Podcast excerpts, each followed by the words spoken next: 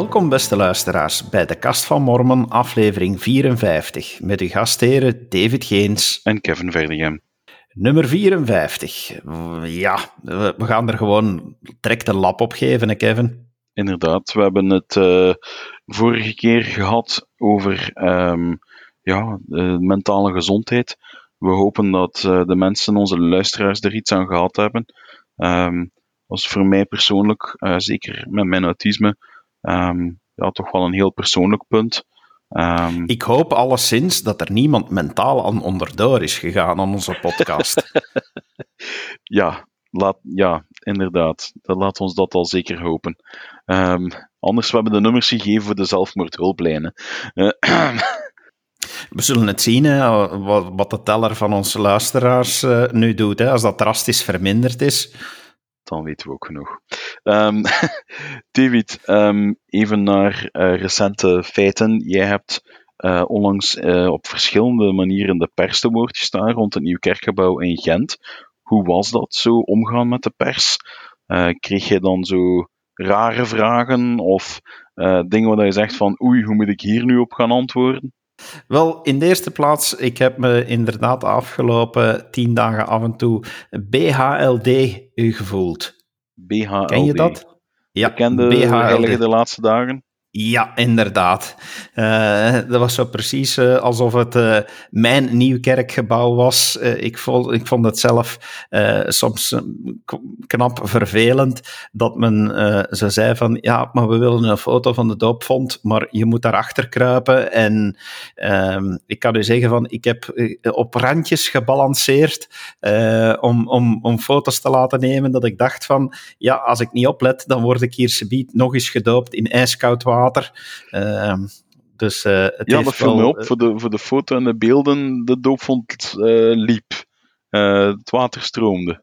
Ja, dat is, je maakt het spectaculair. Ik weet wel gelukkig eh, wat, wat mooie foto's oplevert. En dus was dat zo telkens het voorstel van, moet ik de kranen openzetten? Van, ja, dan, dan, dan zie je dat. Um, nee, maar alle gekheid op een stokje. We hebben mooie aandacht gekregen. Uh, het was zeker een, een goede gelegenheid om een aantal punten naar voren te kunnen brengen. De vragen, want die, die vraag stelde je net, de vragen die vielen wel mee. Uh, zaten natuurlijk klassieke vragen in van ja, uh, hoeveel vrouwen en oh, ja, zo, zo typische Toch nog die vraag gehad, ja? Ja, ja maar op een, op een beleefde, respectvolle manier. Er is niemand geweest, geen enkele journalist, uh, niemand van, van de bezoeken, die, die ook maar enigszins onrespectvol is, is uh, met iets omgegaan. Uh, ja, je krijgt dan verslaggeving eh, men gaat eh, een, een verhaal brengen dat naar de lezers toegericht is. Dat maakt dat hetgeen wat je wel gezegd hebt niet altijd letterlijk wordt weergegeven.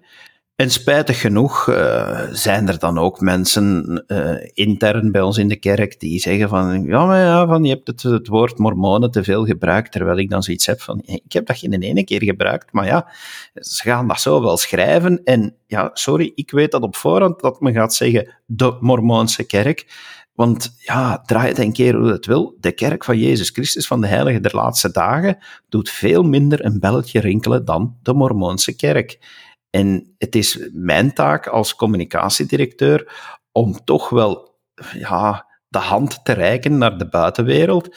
En dan moet ik soms ook gewoonweg uh, uh, weten hoe ik met de pers moet omgaan en hen toelaten om, om punten te nemen en, en vergelijken te vinden. Ik heb bij quasi iedere journalist gezegd van en uitgelegd van kijk, mormonen is voor ons een bijnaam. We hebben dat een tijd als geuzennaam gebruikt. We zijn dan gaan beseffen eh, en onze profeet heeft gevraagd om terug de juiste naam te gebruiken. Ik vraag u dus beleefd om minstens één keer in uw artikel of in uw verslaggeving de juiste naam te gebruiken. En wat dat je daarna doet, ja, daar heb ik geen zeggenschappen over. En ik moet dan wel zeggen, tot mijn tevredenheid is in ieder artikel de juiste naam, de volledige naam, minstens één of meerdere keren verschenen. Wel, op dat moment zeg ik, kan me niet schelen dat ze het voor de rest Mormoonse kerk hebben genoemd. Ja, ehm, nee, dat snap ik ook. Um, ja, op den duur, je moet ook ergens um, hoe moet ik het zeggen, een afweging maken tussen van wil ik dat mijn artikel überhaupt online kan verschijnen um, of, of in de media terechtkomen, of ga ik er zo van mijn neus zitten maken dan zoiets hè, van weet je wat man, hè, steekt je gebouw waar de zon niet schijnt. Um, we willen er toch nog altijd een beetje mee uitpakken en het helpt ook wel dat mensen um, ja, die naam die in Vlaanderen toch zo bekend is, dan op de juiste manier kunnen koppelen aan de juiste naam van de kerk. Ja, en je kan dat op verschillende manieren benaderen. Hè. Van, er heeft één krant, uh, stond er een, een, ondertitel van Kerk met zwembad en luierkamer. Uh, ja, je kan daar aanstoot aan nemen, maar we hebben een prachtige doopvond.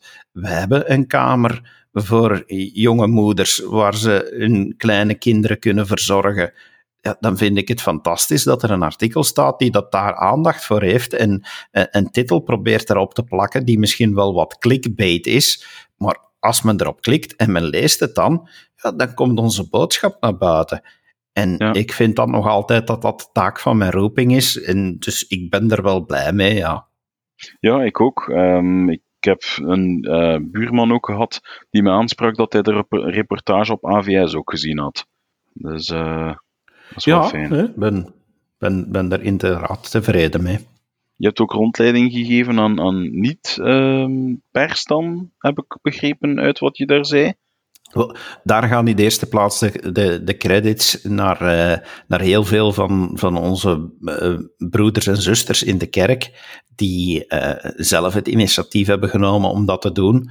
Want het zou allemaal een beetje te veel anders voor mij geweest zijn. Ik moest al zoveel heen en weer lopen. Dus er zijn er anderen die de rondleidingen verzorgd hebben.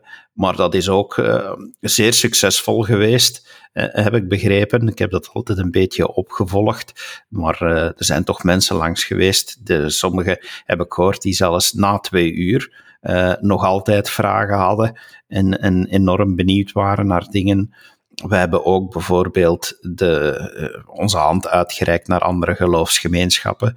Bijvoorbeeld de pastoor van Bellen was onmiddellijk geïnteresseerd om langs te komen, is ook meer dan een uur gebleven, is naar buiten gegaan met een boek van Mormon. Uh, dus ja, uh, wie weet staat hij binnenkort zeg, in zijn kerk. De katholieke kerk heeft het al moeilijk genoeg om priesters te vinden. Hè? Gaan die nu nog gaan aftjoepen ook, of wat? Ja, het is een harde concurrentiestrijd daarbuiten. Hè? ja, ik ben blij dat het, uh, dat zo goed gaat. Um, om naar ons volgend item over te springen, even een stapje terug. In veel van de artikels werd ook verwezen naar het feit dat het uh, kerkgebouw met tiende geld betaald werd. Um, heb je daar veel vragen over gehad? Of hadden mensen zoiets van, wat blief? Ja, dat is inderdaad een, een, typische vraag die terugkomt. Meestal begint die met van, uh, wat heeft dit kerkgebouw gekost? En uh, hoe, wie heeft dat betaald? En dan kijkt men inderdaad verwonderd op als ik benadruk dat wij geen subsidies ontvangen en dat dat gebeurt door eigen bijdrage en ik het systeem van Tinde uitleg. En dan zie je, en dan merk je ook in de reacties, uh, de online reacties die je daarop krijgt, van dat mensen daar, daar soms heel dubbel op reageren. Hè. Dan, dan hebben ze zoiets van, zie je wel, het is een secte, je moet 10% van je loon afgeven. Uh, anderen die dan zeggen van, oh, dat, ik zou dat nooit doen. Maar ja, ik ben er dan zeker van dat omgekeerd moest, moest het zijn dat het betaald wordt met overheidsgeld, ja, dan zou er een heel deel zeggen, oh, het is met onze centen. Ja, maar jongens, het is, het is een van de twee, hè, om, het, uh, om het zo op zijn schoon Vlaams te zeggen. Um, ofwel bewonder je ons dat we, dat we het inderdaad op eigen kracht doen. Um, ja, nee, je bewondert ons daarvoor, want ik kan het me gewoon niet anders voorstellen. Ik heb het, ik heb het veel liever zo en ik, ben, en ik heb dat ook iedere keer als gelegenheid gebruikt om, om uit te leggen van dat wij het belangrijk vinden om dat op eigen kracht te doen en heel veel aan liefdadigheid te doen. Ja, absoluut. En de kerk doet daar ook heel veel voor. Um, er zijn onlangs een artikel tegengekomen um, dat aanwees dat er, ja, jij houdt zoveel van cijfers, dat Utah hè, toch wel de bakermat van onze kerk een beetje, um, ja, dat dat toch wel de meest vrijgevige staat is van, van alle staten in Amerika. En dat verwondert blijkbaar ook niet. Hè? Nee, het, is inderdaad, ik ben uh, een cijfertjes meneer en dit is een onderzoek, een Amerikaans onderzoek die staten heeft gerangschikt, maar het is zo duidelijk dat je, dat je hier de conclusies gewoon kan, kan van, van statenniveau opentrekken naar uh, wat onze kerk betreft. Het, het is een onderzoek dat gaat naar vrijgevigheid, het, geven, maar echt vrijgevigheid op heel veel punten. Niet alleen het geven van geld, maar ook het uh, doneren van tijd, het uh, doneren van hulp aan elkaar. Uh, ja, dat men dan dat ook vergelijkt met hoeveel procent van de bevolking geeft, hoeveel procent geeft, hoeveel procent, hè, dus tweede afgeleide, van hun loon. En dan zie je dat uh, ja, in, in dit onderzoek dat Utah altijd hoog scoort, maar het is één op één gerelateerd natuurlijk met het feit hoe wij in het, in het leven staan. En ik vond het is interessant om het daarover te hebben nu in, in deze podcast. Um, want ja, je hebt allereerst de wet van Tinde. Hè. Misschien moeten we daar eerst nog eens even blijven bij stilstaan dat het een, een bijbelse opdracht is om 10% van ons inkomen af te geven. Ja, kan je overlezen in Malachi. Um, het laatste boek van, het laatste hoofdstuk zelfs van het Oude Testament staat er ook nog in. Eh, um, dan vraagt de Heer ze van, ah, vraagt iemand aan de Heer, Heer, eh, hoe hebben wij u beroofd? En dan zegt de Heer, ja, en tienden en, en offeranden. Um, en dan zegt de Heer, dat vind ik altijd een fantastisch stuk uit de schriften, waar dat de Heer zegt van, en ik, ken het perfect van buiten in het Engels, hè. prove me now herewith, and see if I will not open up the, windows of heaven that you have not enough room to receive. Wat eigenlijk betekent van, test mij, hè, ga de uitdaging aan, en zie of ik u niet de vensters des hemelen zal openen dat gij niet genoeg plaats zult hebben om te ontvangen. Ik ben zelf iemand die al zijn hele um, kerkleven tiende betaalt. Um, en ik heb er nog nooit een seconde spijt van gehad. Ik heb zegeningen ontvangen in mijn leven die ja, op momenten komen dat je denkt van ga, nu, moet ik nu is het of mijn tiende betalen of we gaan het moeilijk hebben. En zelfs al betalen ons tiende, dan gaat het nog krap zijn. En dat je dan ineens een, een opportuniteit krijgt, of dat iemand uh, een, een, een, bepaalde um, schenking doet, van kledij bijvoorbeeld. Hebben we ook al gehad, dat um, um, iemand die mijn vader kent, van op de trein ineens zei van, goh, heeft uw zoon geen, geen klein mannen of geen klein dochters? Ik heb, hier een, ik heb juist ons kleerkast uitgekuist. We hebben dozen staan met kleren, juist op het moment dat wij zeiden van oei, het wordt krap, misschien moeten we wachten tot volgende maand om nieuwe kleren te kopen. En dan zie je van, ja, kijk, allemaal heel mooie, bijna zelden gedragen kleren. En die krijg je dan op een, op, juist op dat moment dat je die zegen nodig hebt. En dan hebben wij al letterlijk meer ontvangen dan dat we plaats hebben om te ontvangen dat je vier, vijf dozen vol kleren krijgt en je zegt van oei, ik heb niet genoeg plaats in de kleerkast om ze allemaal te hangen. Um, een onnozel voorbeeld misschien voor sommigen, maar voor mij was dat echt zo van, ja, dat, dat zijn zegeningen die je krijgt op het moment dat je het moeilijk hebt en dat je toch bewuste beslissing maakt van, ik ga mijn tiende betalen. Ja, en toch blijft het voor veel mensen moeilijk. En eh, een moeilijkheid waar ik, waar ik begrip voor opbreng. Van, eh, het is zo van, als je, als je heel de maand moet liggen cijferen en moet nadenken van, waar geef ik die euro wel aan uit en waar geef ik hem niet aan uit, om dan die beslissing te, te nemen van, ja, ik moet hier eigenlijk nog 10% van afgeven aan de kerk het is een, een, een proef van geloof, hè, uiteindelijk. Draait een keer hoe dat je het wil. Ja, altijd.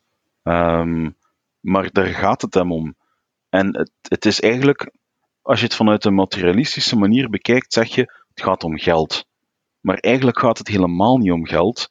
Het gaat om het feit dat onze Hemelse Vader zegt van kijk, ik geef u alles wat je hebt. Ik vraag u om mij te vertrouwen, om mij daar een tiende van terug te geven. En ik beloof u, als je dat doet, dat ik u zo uitbundig zal zegenen dat je niet gaat weten waar je het hebt. En ja, ik heb verhalen gehoord van leden in de kerk die, ja, het is of tiende betalen of geen geld genoeg hebben om eten te kopen die week.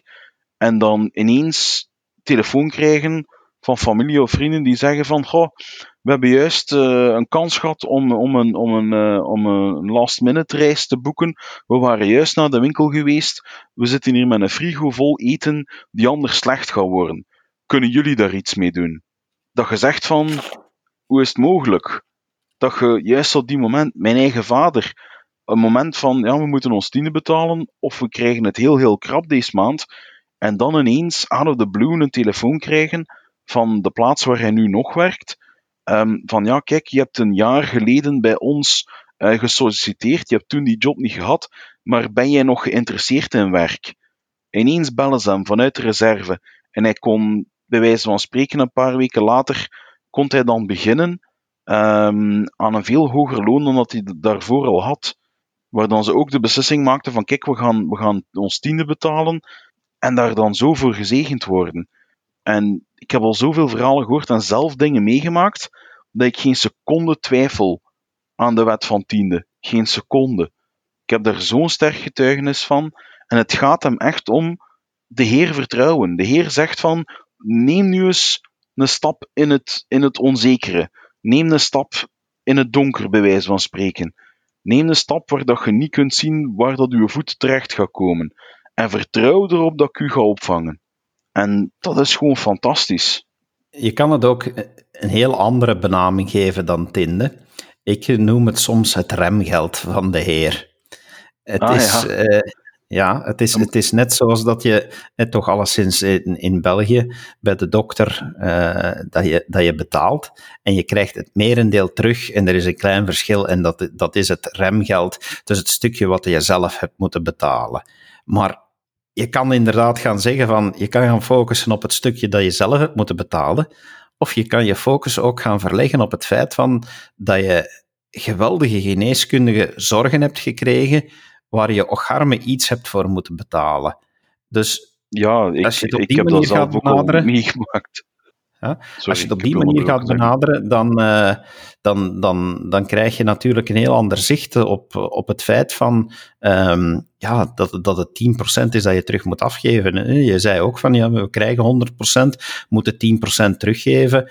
Uh, ja, dat, dat is de actieve daad. Want je zou dan zeggen, ja, waarom houdt hem die 10% niet aan de bron af? Hè? Bronbelasting uh, zouden we toch in deze tijden mogen verwachten van een efficiënte organisatie van de Heer. Maar uh, ja, het gaat hem inderdaad ook om dat wij moeten bewijzen dat we, dat we hem vertrouwen. En geloof is heel zijn werkwoord, hè? Ja, geloof is een werkwoord. En het gaat hem heel vaak over, over vertrouwen. Hoewel wie, wie doordenkt, is dat vertrouwen toch, toch ook wel een heel stuk makkelijker. Want diegenen die dan, en dat mogen we toch ook wel vertellen, diegenen die dan echt in de problemen zouden zitten, die zeggen van ik kom er niet, ja, en dat is ook wat dat ik, dat ik even wou benadrukken, dat blijkt ook uit die studie, onze kerk heeft zoveel manieren waarop ze helpt. Niemand, niemand die, die een getrouw lid is van de kerk, wordt aan zijn lot overgelaten. Hè? Iemand die, die getrouw is en, en dus zeker zijn tinden betaalt, die gaat geen honger lijden. Ja, letterlijk niet. Want daar wordt gewoon voor gezorgd. In Amerika zijn er effectief winkels van de kerk, de, de bishops storehouses, waar men ja, dan gratis boodschappen kan gaan doen op basis van formulieren die door de bisschop zijn ingevuld. Wij zijn hier natuurlijk als minderheidskerk in, in onze regio, in Nederland en Vlaanderen, moeten wij het anders doen. Maar zijn er ook oplossingen waarbij echt niemand letterlijk honger gaat moeten lijden en dat er eten in de kast en in de koelkast zal staan. Ja, en dus dat wordt zin... niet betaald van ons tienden, hè. Dat wordt betaald van, van onze vaste gaven, hè.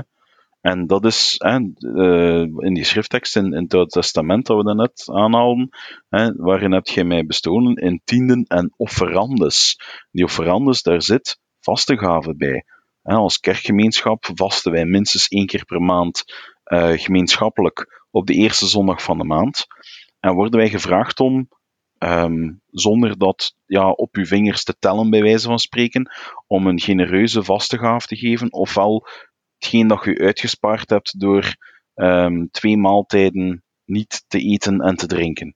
Um, de meeste mensen ja, wordt ook gevraagd om, ja, ga niet tellen van, ja, ik zou s ochtends twee eitjes gegeten hebben, ik zou zoveel milliliter melk bij mijn cornflakes gedaan hebben, zoveel cornflakes, en dat komt dan op een totaal van 3,75 euro, bij wijze van spreken.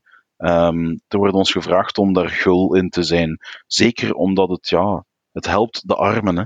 Dat is het hem net. En, en dat draagt dus ook bij, en dat zie je dan heel goed in die studie, maar wederom, dat kan je opentrekken naar de hele kerk, want dat is echt een mentaliteit die we hebben als heiligen de laatste dagen, is dat we niet alleen die 10% geven, uh, en, en, maar dat we inderdaad ook die vaste gaven geven. Maar nu, over die 10% en die vaste gaven, wil ik toch ook één ding heel duidelijk zeggen voor wie naar deze podcast luistert er zijn ook leden van onze kerk die dat, dat niet doen en die worden niet de deur gewezen. Hè. Laat ons, nee, dat is geen reden tot excommunicatie of zo. Hè? Nee.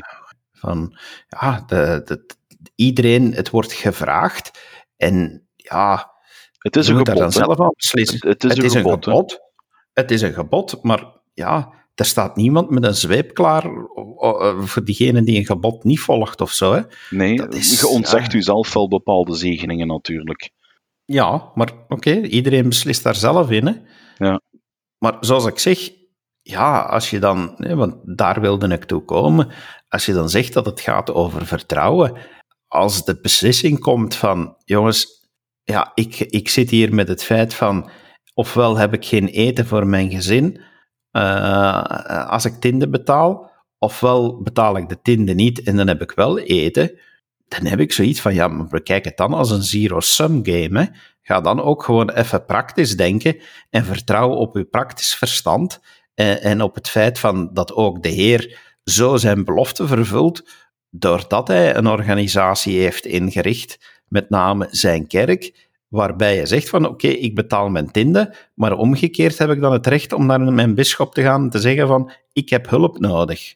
Ja, pas op, um, ja, ik ben zelf ook een administrateur geweest, hè, verantwoordelijk voor de financiën binnen een, een kerkgemeenschap, lokaal dan.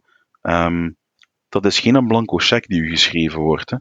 Dat is effectief, er wordt hulp gegeven op de manier waarop je de hulp nodig hebt. Dat kan heel goed zijn dat er iemand met u meegaat naar de winkel, of boodschappen voor u gaat doen, of um, ja, dat er gekeken wordt naar bijvoorbeeld van, ah, je hebt geen werk, ah, maar de kerk heeft ook hè, een, een, um, een uh, dienst is het verkeerde woord, heeft ook een afdeling waarin dat je kan zien van, ah kijk, hè, we gaan u aanleren hoe dat je een cv moet, uh, moet opstellen en hoe dat je een interview kunt doen, hoe dat je dat kunt verbeteren. Um, er zijn ja, family services, um, er zijn heel veel manieren, buiten puur van hier is geld, dat je kan geholpen worden. Maar dan kom je inderdaad op het feit waar ik, waar ik al uh, een hint toe gaf, is dat wij als leden van de kerk ook heel veel van onze tijd geven. Het gaat niet enkel in geld en die tijd wordt ook gebruikt om, om anderen te helpen. onze kerk heeft, en dat hebben we al verschillende keren in onze podcast gezegd, heeft geen betaalde klerus. Alles gebeurt op vrijwilligerswerk. Je hebt dus mensen die lesgeven in de zondagschool, je hebt mensen die andere taken doen. Maar het gaat hem zelfs tot op het individuele niveau. De vorige keer eh, hadden we het over mijn nieuwe roeping als quorumpresident. Wel, als ik dat nu even daarop toepas, op het feit van stel dat ik zou weten dat er een gezin in de problemen komt, ja, dan ga ik, en in de eerste plaats van, ga ik vragen aan mijn raadgever, die ik eh, gevraagd heb om, om daarover te waken, ga ik zeggen van oké, we gaan dat gezin helpen om terug zo snel mogelijk zelfredzaam te worden. En dan wordt er gekeken, wat is er nodig om zelfredzaam te worden? Van, moeten we... Eh, ik ga nu een voorbeeld noemen. Je noemde het zelf al in, in de voorbeelden iemand die zonder werk zit. Ja. ja dan zou ik al onmiddellijk gaan zeggen van oké, laat ons eens gaan kijken van wat kan je wel doen? Uh, hoe zit het met uw cv? Is uw cv bijgewerkt? Laat mij dat eens lezen. Ik ben jarenlang werkgever geweest. Ik weet welke cv's mij aanspreken en welke niet. En dan, dan, dan gaan we daar tijd in steken. Uh, we, gaan, we gaan u helpen. Ja, en ik heb dat persoonlijk ook heel sterk van. Ik zal liever iemand die, die dan zegt van. Eh, iemand die zegt van ja, maar ik kan niet gaan solliciteren, want ik heb geen deftige kleren. Ja, dan zou je op dat moment kunnen gaan zeggen van oké, ik ga iedere week daar voedsel voor kopen, uh, zodanig dat die, dat die man en zijn gezin geen honger moeten lijden.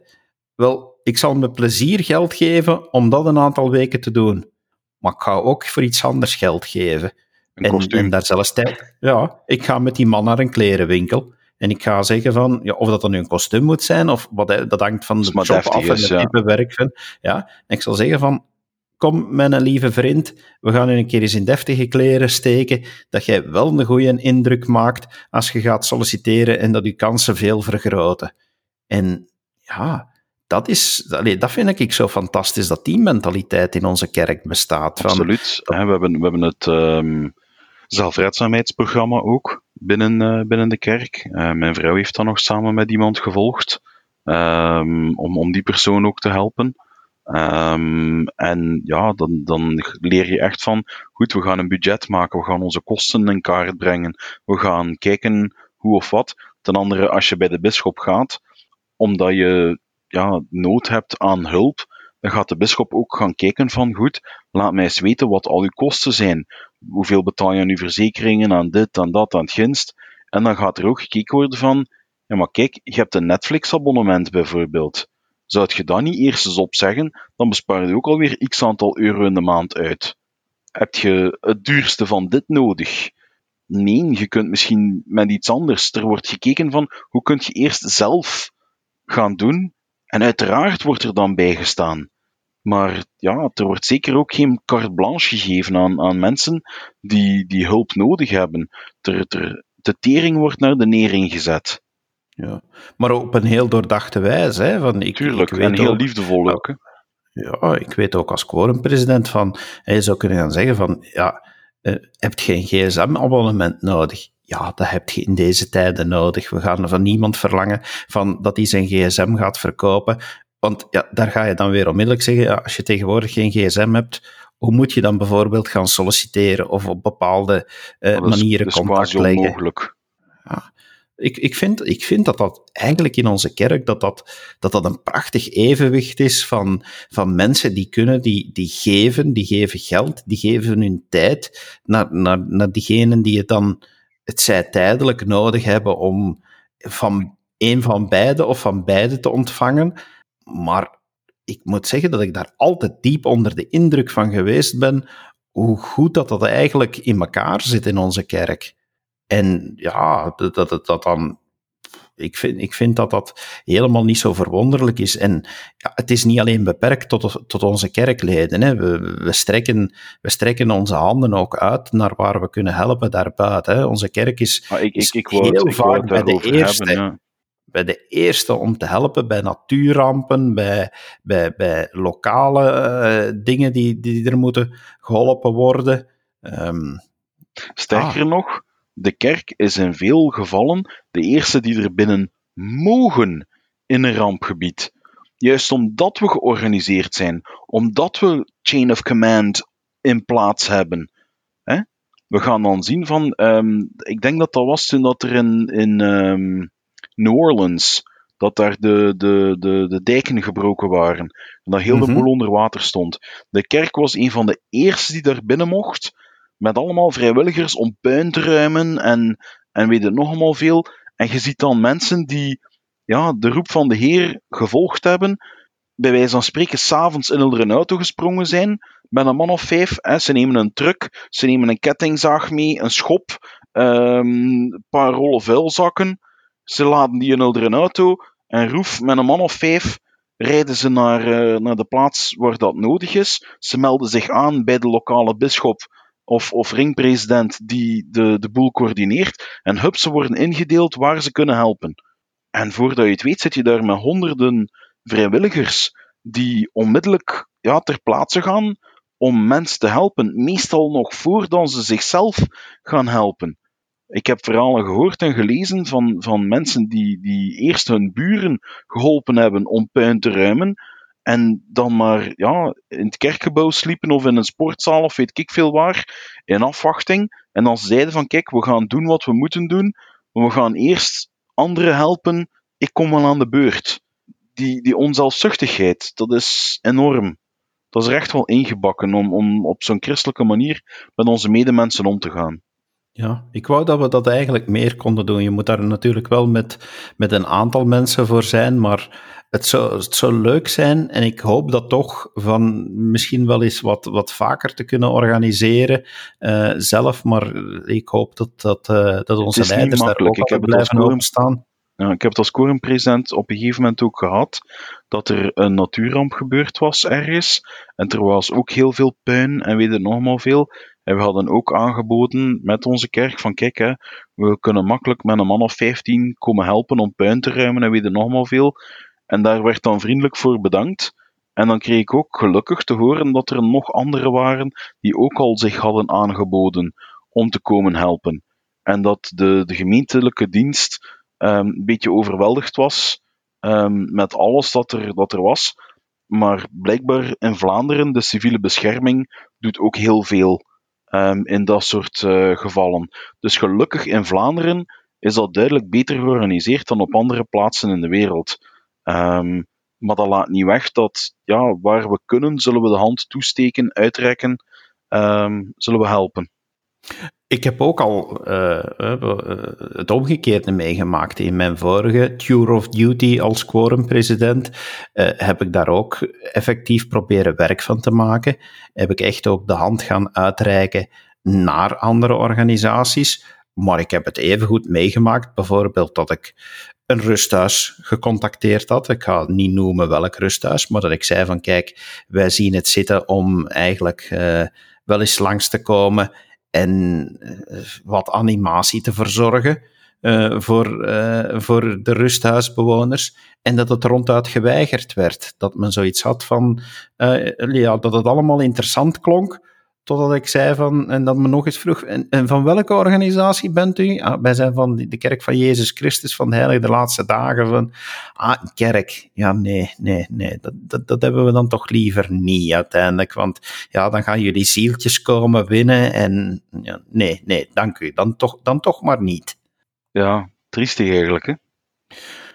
Ook daar weer alle begrippen. Uh, onbekend is onbemind. Uh... Ja, maar ik heb dan zoiets van een, van. een van de mooiste activiteiten die ik al gedaan heb op een. Um, wat was het? het weekend met Hemelvaart. Um, die, um, allee, jeugdconferentie. wat dat tegenwoordig IFY of FSY is. Um, dat we daar ook een rusthuis gingen gaan bezoeken, dat we liedjes zongen met de mensen, dat we mensen bezocht hebben op een kamer, dat je ziet van, amai, die man heeft, want zo oud ben ik ondertussen nog, dat ik oud-strijders in, in een rusthuis, en dat je die mensen dan kunt bedanken voor hun gedane diensten tijdens de, tijdens de oorlog en zo, en dat je die mensen ziet opwellen met tranen, dan ze zeggen van, jij bent een van de weinige mensen die mij daar ooit voor bedankt heeft. En dan heb je zoiets van, amai, die man heeft hier gevochten in, in de oorlog, zodanig dat wij een vrij leven konden leiden. Um, ja, dat is zo... Er wordt te weinig omgekeken naar onze ouderen. Um, ik vind het ook verschrikkelijk op dit moment. Ik kan mijn, uh, mijn ik heb uh, nog drie van mijn grootouders en uh, twee, ja, die, die hebben elkaar. Maar mijn oma is sinds een paar jaar alleen. Uh, mijn grootvader is een paar jaar terug gestorven. En ik vind het zo verschrikkelijk dat we nu in die coronatijd, ze is slecht te hoor. Um, ze hoort enorm slecht. Dus je kunt niet gewoon even bellen. Dat is een ramp. Zij verstaat u niet. En dan vind ik dat zo jammer dat we nu gebonden zijn um, door al die zaken. Dat is verschrikkelijk. Dat is inderdaad. Uh, en je ziet dat, hè, dat, is, dat is onze natuur. Dan voelen we ons direct slecht als we zulke dingen niet kunnen doen. Ja, uh, ik, ik, ben, ik ben trots op onze kerk. Op dat punt ben ik echt trots op de organisatie, op de ideeën die, er, die erin zijn, trots op de leden die dat, dat allemaal maar vrijwillig doen. En men zegt altijd van ja, je moet opletten met trots. Christenen mogen niet trots zijn.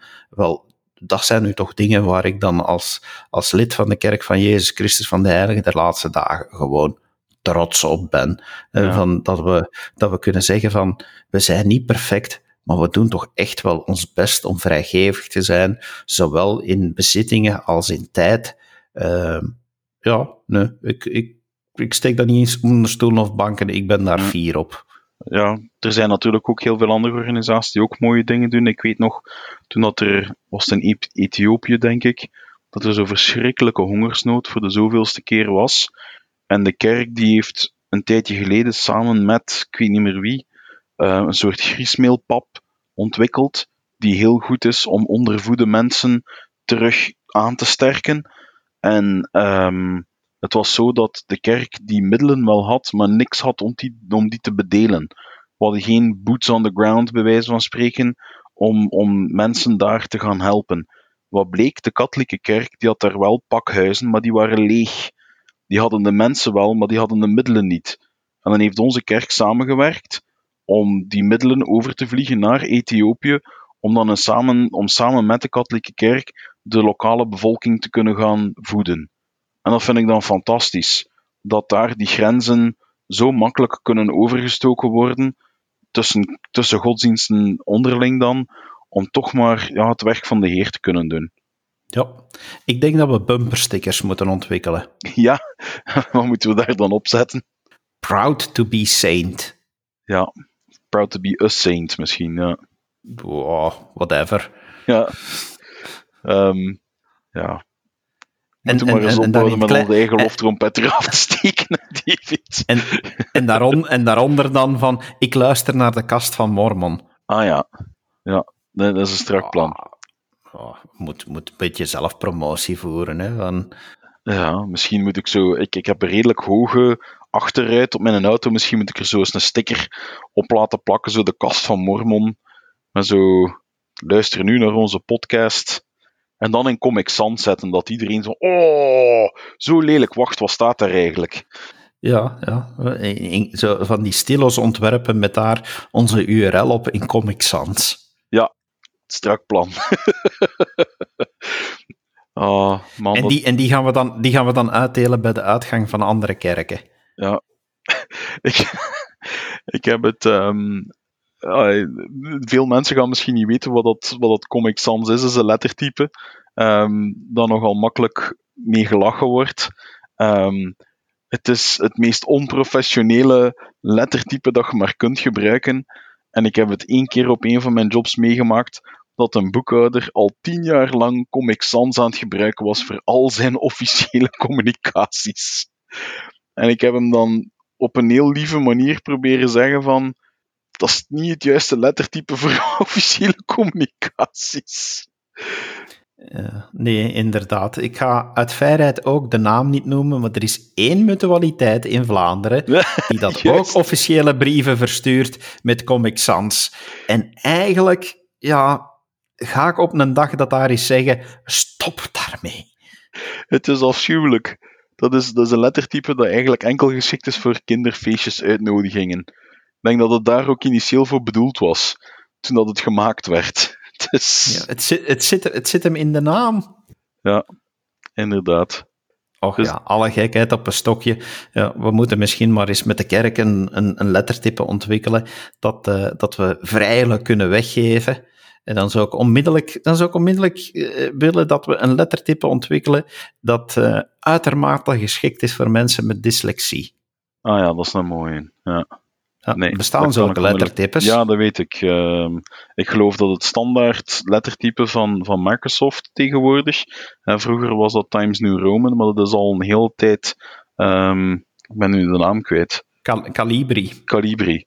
Ja, dat is ook zo een dat heel goed leesbaar is. Um, en ja, mijn vrouw en ik, mijn, mijn vrouw is heel graag bezig met grafische vormgeving. We hebben zoals een documentaire bekeken over hoe dat lettertypes ontwikkeld worden. Dat is fantastisch interessant. Ja. Heeft de kerk... Goed, weet lettertypes... Jij, jij, jij, jij bent toch bezig met communicatie. Is het lettertype van de kerk, van het logo, is dat geen officieel eigen lettertype, toevallig? Ja, ja. ja dat, is, ja dat is het Desert Font Type. En dat is gebaseerd op een ander lettertype. En ik weet welk, maar ik ga het niet zeggen, want anders is iedereen weer bezig met zijn eigen uh, kerklogo te ontwerpen.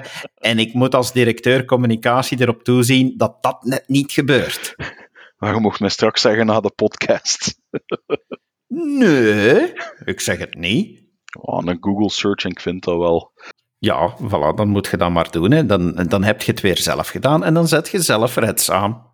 Dus dat, nee, zo, zo zijn we terug rond. Oké. Voilà, en zo zijn we rond in ons verhaal voor vandaag. Goed, we gaan afronden, beste luisteraars. Dank u wel voor het luisteren. Laat de commentaren maar komen. Verklaar ons helemaal voor gek als dat de commentaar is. Daar kunnen wij perfect mee leven. Uh, u kan ons vinden op onze Facebookpagina. U kan ons ook gewoon mailen op zeg het maar at dekastvanmormon.info. U kan ook op onze website terecht. We hebben de moeite gedaan om die terug online te brengen. Dus de ene weerschakeling van platform is nu helemaal omdat we toch merkten dat we iets uh, beter bereikbaar zijn wanneer we het zelf meer in handen nemen. Dus uh, we hebben dat voor u gedaan en hopelijk kan u er weer meer van genieten. Tot de volgende keer. Ik sluit me daarbij aan. Graag tot een volgende keer. Dag. Dag.